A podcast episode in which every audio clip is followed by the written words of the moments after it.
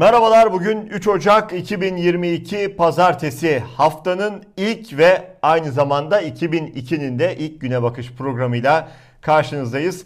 2021'e sizinle veda etmiştik sevgili seyirciler. 2022'de yine birlikte karşılıyoruz. 2021'de ülkeyi nerede bıraktıysak 2022'de de maalesef orada aldık. Yani aynı ağır gündemle hatta siyasetin de o tansiyonu bir tık daha yükselmişe benziyor.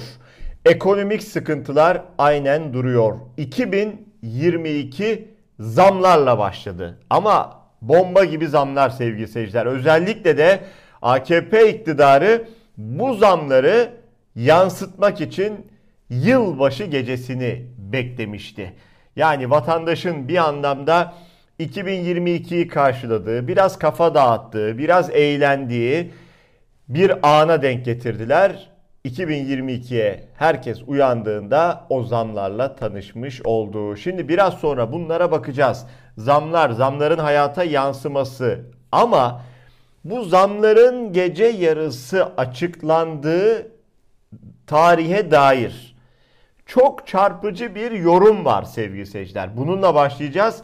Bu yorum Cumhurbaşkanı Erdoğan'ın eski danışmanlarından birinden geldi. Doktor Turhan Çömez İngiltere'de doktorluk yapıyor halen. 2008 yılında Ergenekon soruşturmalarında onun da adı vardı gözaltı listesinde. İngiltere'de bulunuyordu o dönem ve tabi dönmedi. Ee, burada da İngiltere'de de çalışmalarına devam ediyor. Aynı zamanda eski AKP milletvekili ve Erdoğan'ın da danışmanlarından biriydi Turhan Çömez. Önemli bir Twitter mesajı paylaştı. Çok dikkat çekici. Bu diyor ki Erdoğan'ın 2021 icraat tweetleri gelirken zam haberlerinin buna eşlik etmesi stratejik bir aklın ürünü değil. Saray içindeki ince hesapların ve derin çatışmanın yansıması. Genel seçimler kimsenin ummayacağı siyasal gelişmelere gebe diyor. Bunu söyleyen isim elbette ki bu partiyi Erdoğan'ı çok yakından tanıyan bir isim.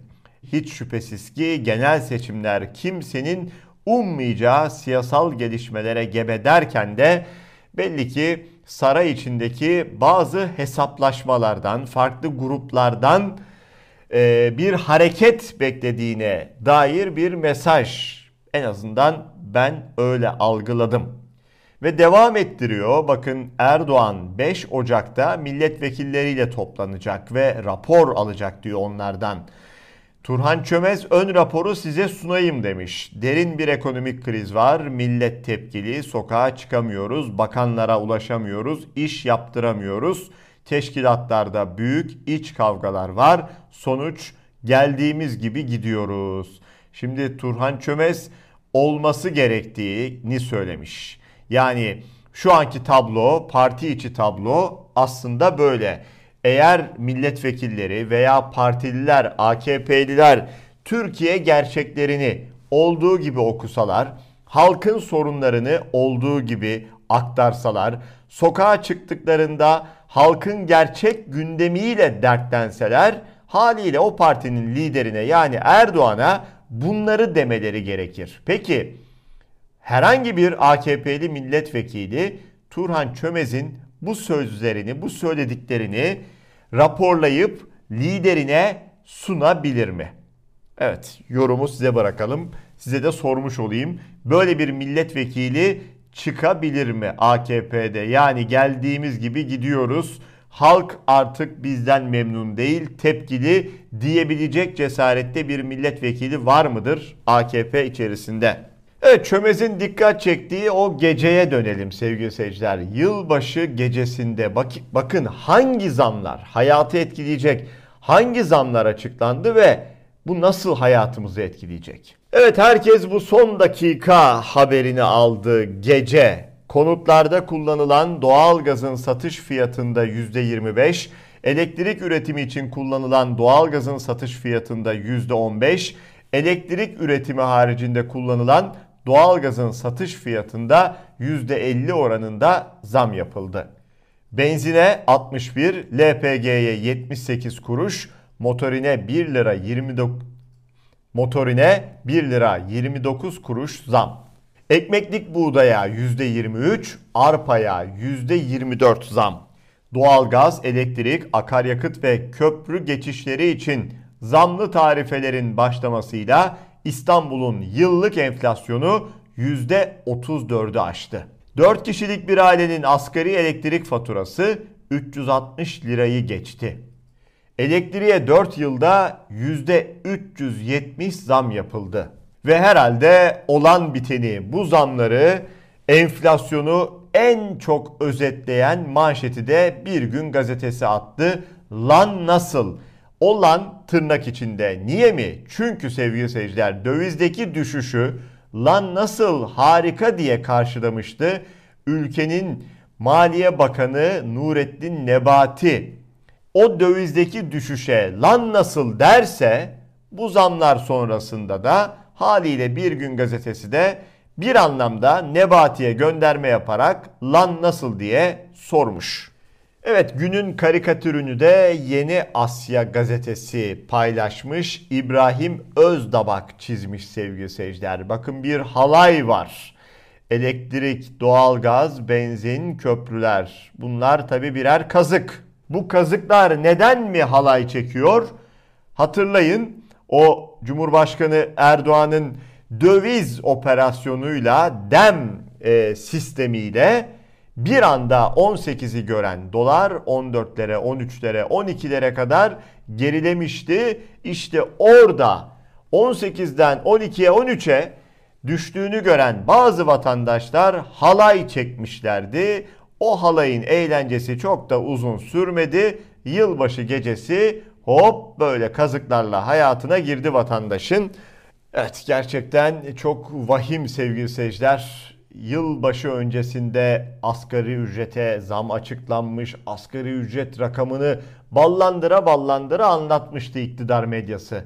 O aynı iktidar medyasında bu zam haberleri ne yazık ki yoktu sevgili seyirciler. Bazısı bir şekilde görmeye çalışmış. Onlar da yeni fiyat tarifeleri şeklinde halka duyurmuşlar. Zam olarak değil. Mesela köprüde, elektrikte, doğalgazda yeni fiyat tarifeleri demişler.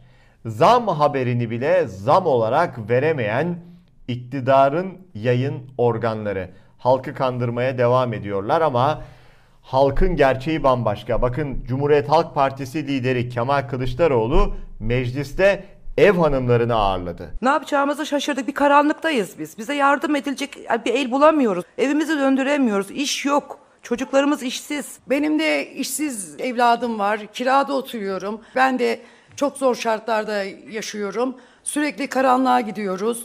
Artık yeter. 2250 lira maaşla geçinmeye çalışıyorum. Eşim engelli. Akşam saatlerini bekliyoruz pazar için. Onu da yapamıyoruz. Eskiden kalan yağları yemeklerimize damlatmak zorunda kalıyoruz. Ben üç çocuk annesiyim.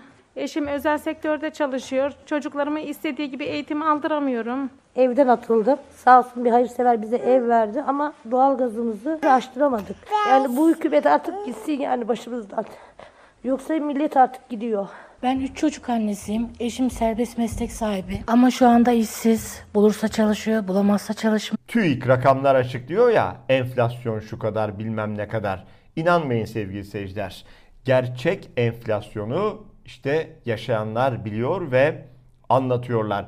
Şimdi bir gazeteci arkadaşımız, meslektaşımız anlatsın. Enflasyon ve o enflasyonun hayata, sokağa yansıması. Hakan Gülseven gazeteci şöyle paylaşıyor. Hissedilen enflasyon diye bir şey olmalı. Benim hissedilen enflasyonum %100'ün üzerinde. Çoğunuz gibi sokakta dolaşmaya çekinir hale geldim.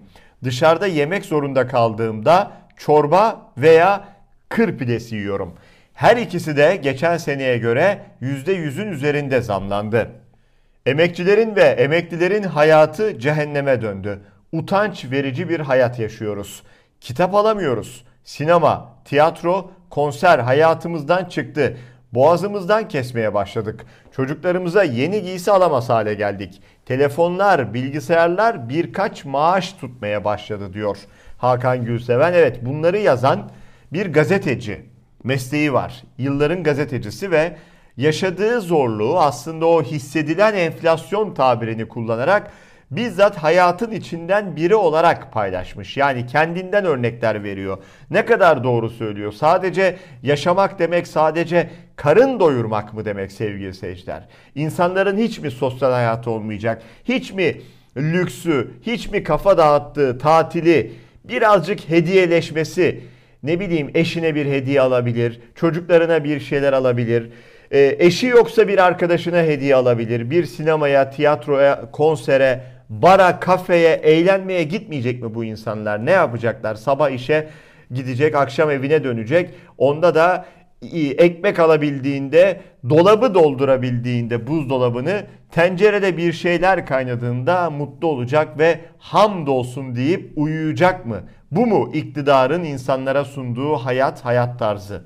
Evet bundan zaten şikayet edilmeli. Bundan birileri inanılmaz derecede müsrif, lüks, şatafat içinde bir hayat yaşarken ve bunu insanların gözüne gözüne sokarken sarayın giderleri bilmem kaç milyon TL'lere çıkmışken günlük aylık fiyatları halk ekmek almakta bile zorlanıyorsa bir gazeteci bu şekilde rezil bir hayat yaşıyoruz diyorsa e, orada artık birilerinin sesini çıkartması lazım.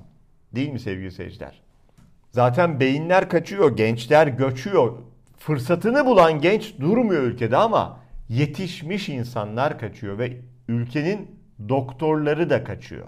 Çok önemli bir paylaşım bu paylaşım. Bir profesör, Profesör Doktor Güner Sönmez paylaşmış. Çok önemli bir veri. Türkiye'den son 10 yılda yurt dışına giden hekimlerin sayısını gösteren grafik. Her yıl biraz daha artıyor. Şimdiden muayene randevuları almış başını gitmiş. 3-5 yıl sonrayı hayal edemiyorum. Nitelikli insanlarımızı kaybediyoruz. Tehlikenin farkında mıyız diye sormuş. Bir kere de biz soralım. Evet farkında mıyız? Acaba insanlar gerçekten bu tehlikenin farkında mı? 2012'den 2021'e kadar ki o grafikte rakamlar çok net gözüküyor. 2012 yılında sadece 59 hekim yurt dışına çıkmış. Sonra her geçen yıl artmış. Bakın 2019'da 1047 doktor yurt dışına göçmüş sevgili seyirciler. Başka ülkelerde mesleğini yapmak için. 2020'de bu biraz düşmüş 931'e neden? Hemen altta not düşmüşler. Demişler ki o notta pandemiye rağmen pandemiye rağmen 930 doktor Türkiye'yi terk etmiş. E, malumunuz 2020'de pandemi döneminde kapılar kapandı. Birçok ülke e, kend, e, kapılarını kapattı ve kimseyi kabul etmedi. Buna rağmen 931 ve geride bıraktığımız, henüz geride bıraktığımız 2021'de 1361 doktor Türkiye'yi terk etmiş. Evet bir yıldır devam eden çok önemli bir direniş var.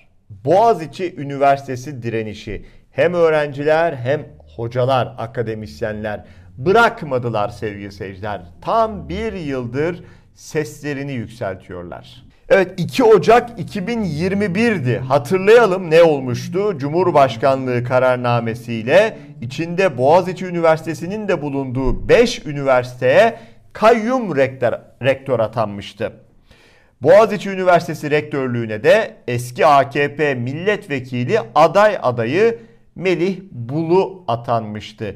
Büyük bir ses getirdi bu. Sonrasında eylemler başladı. Öğrencilere polis müdahalesi, tutuklamalar, ev baskınları ve bugüne gelindi bir yıldır da devam ediyor. Kabul etmiyoruz diyorlar. Üniversiteler özgür ve özerk olana kadar herkesin nitelikli eğitim alabilmesi için verdiğimiz mücadeleden ilke ve değerlerimizden vazgeçmiyoruz.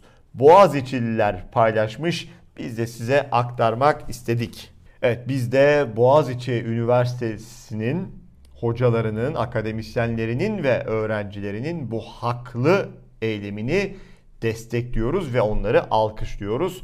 Buradan bir kere daha bu bu haberle birlikte bugünün güne bakışını noktalıyoruz. Salı sabah Türkiye saatiyle her zaman olduğu gibi 9'da yine buluşmak üzere. Hoşçakalın.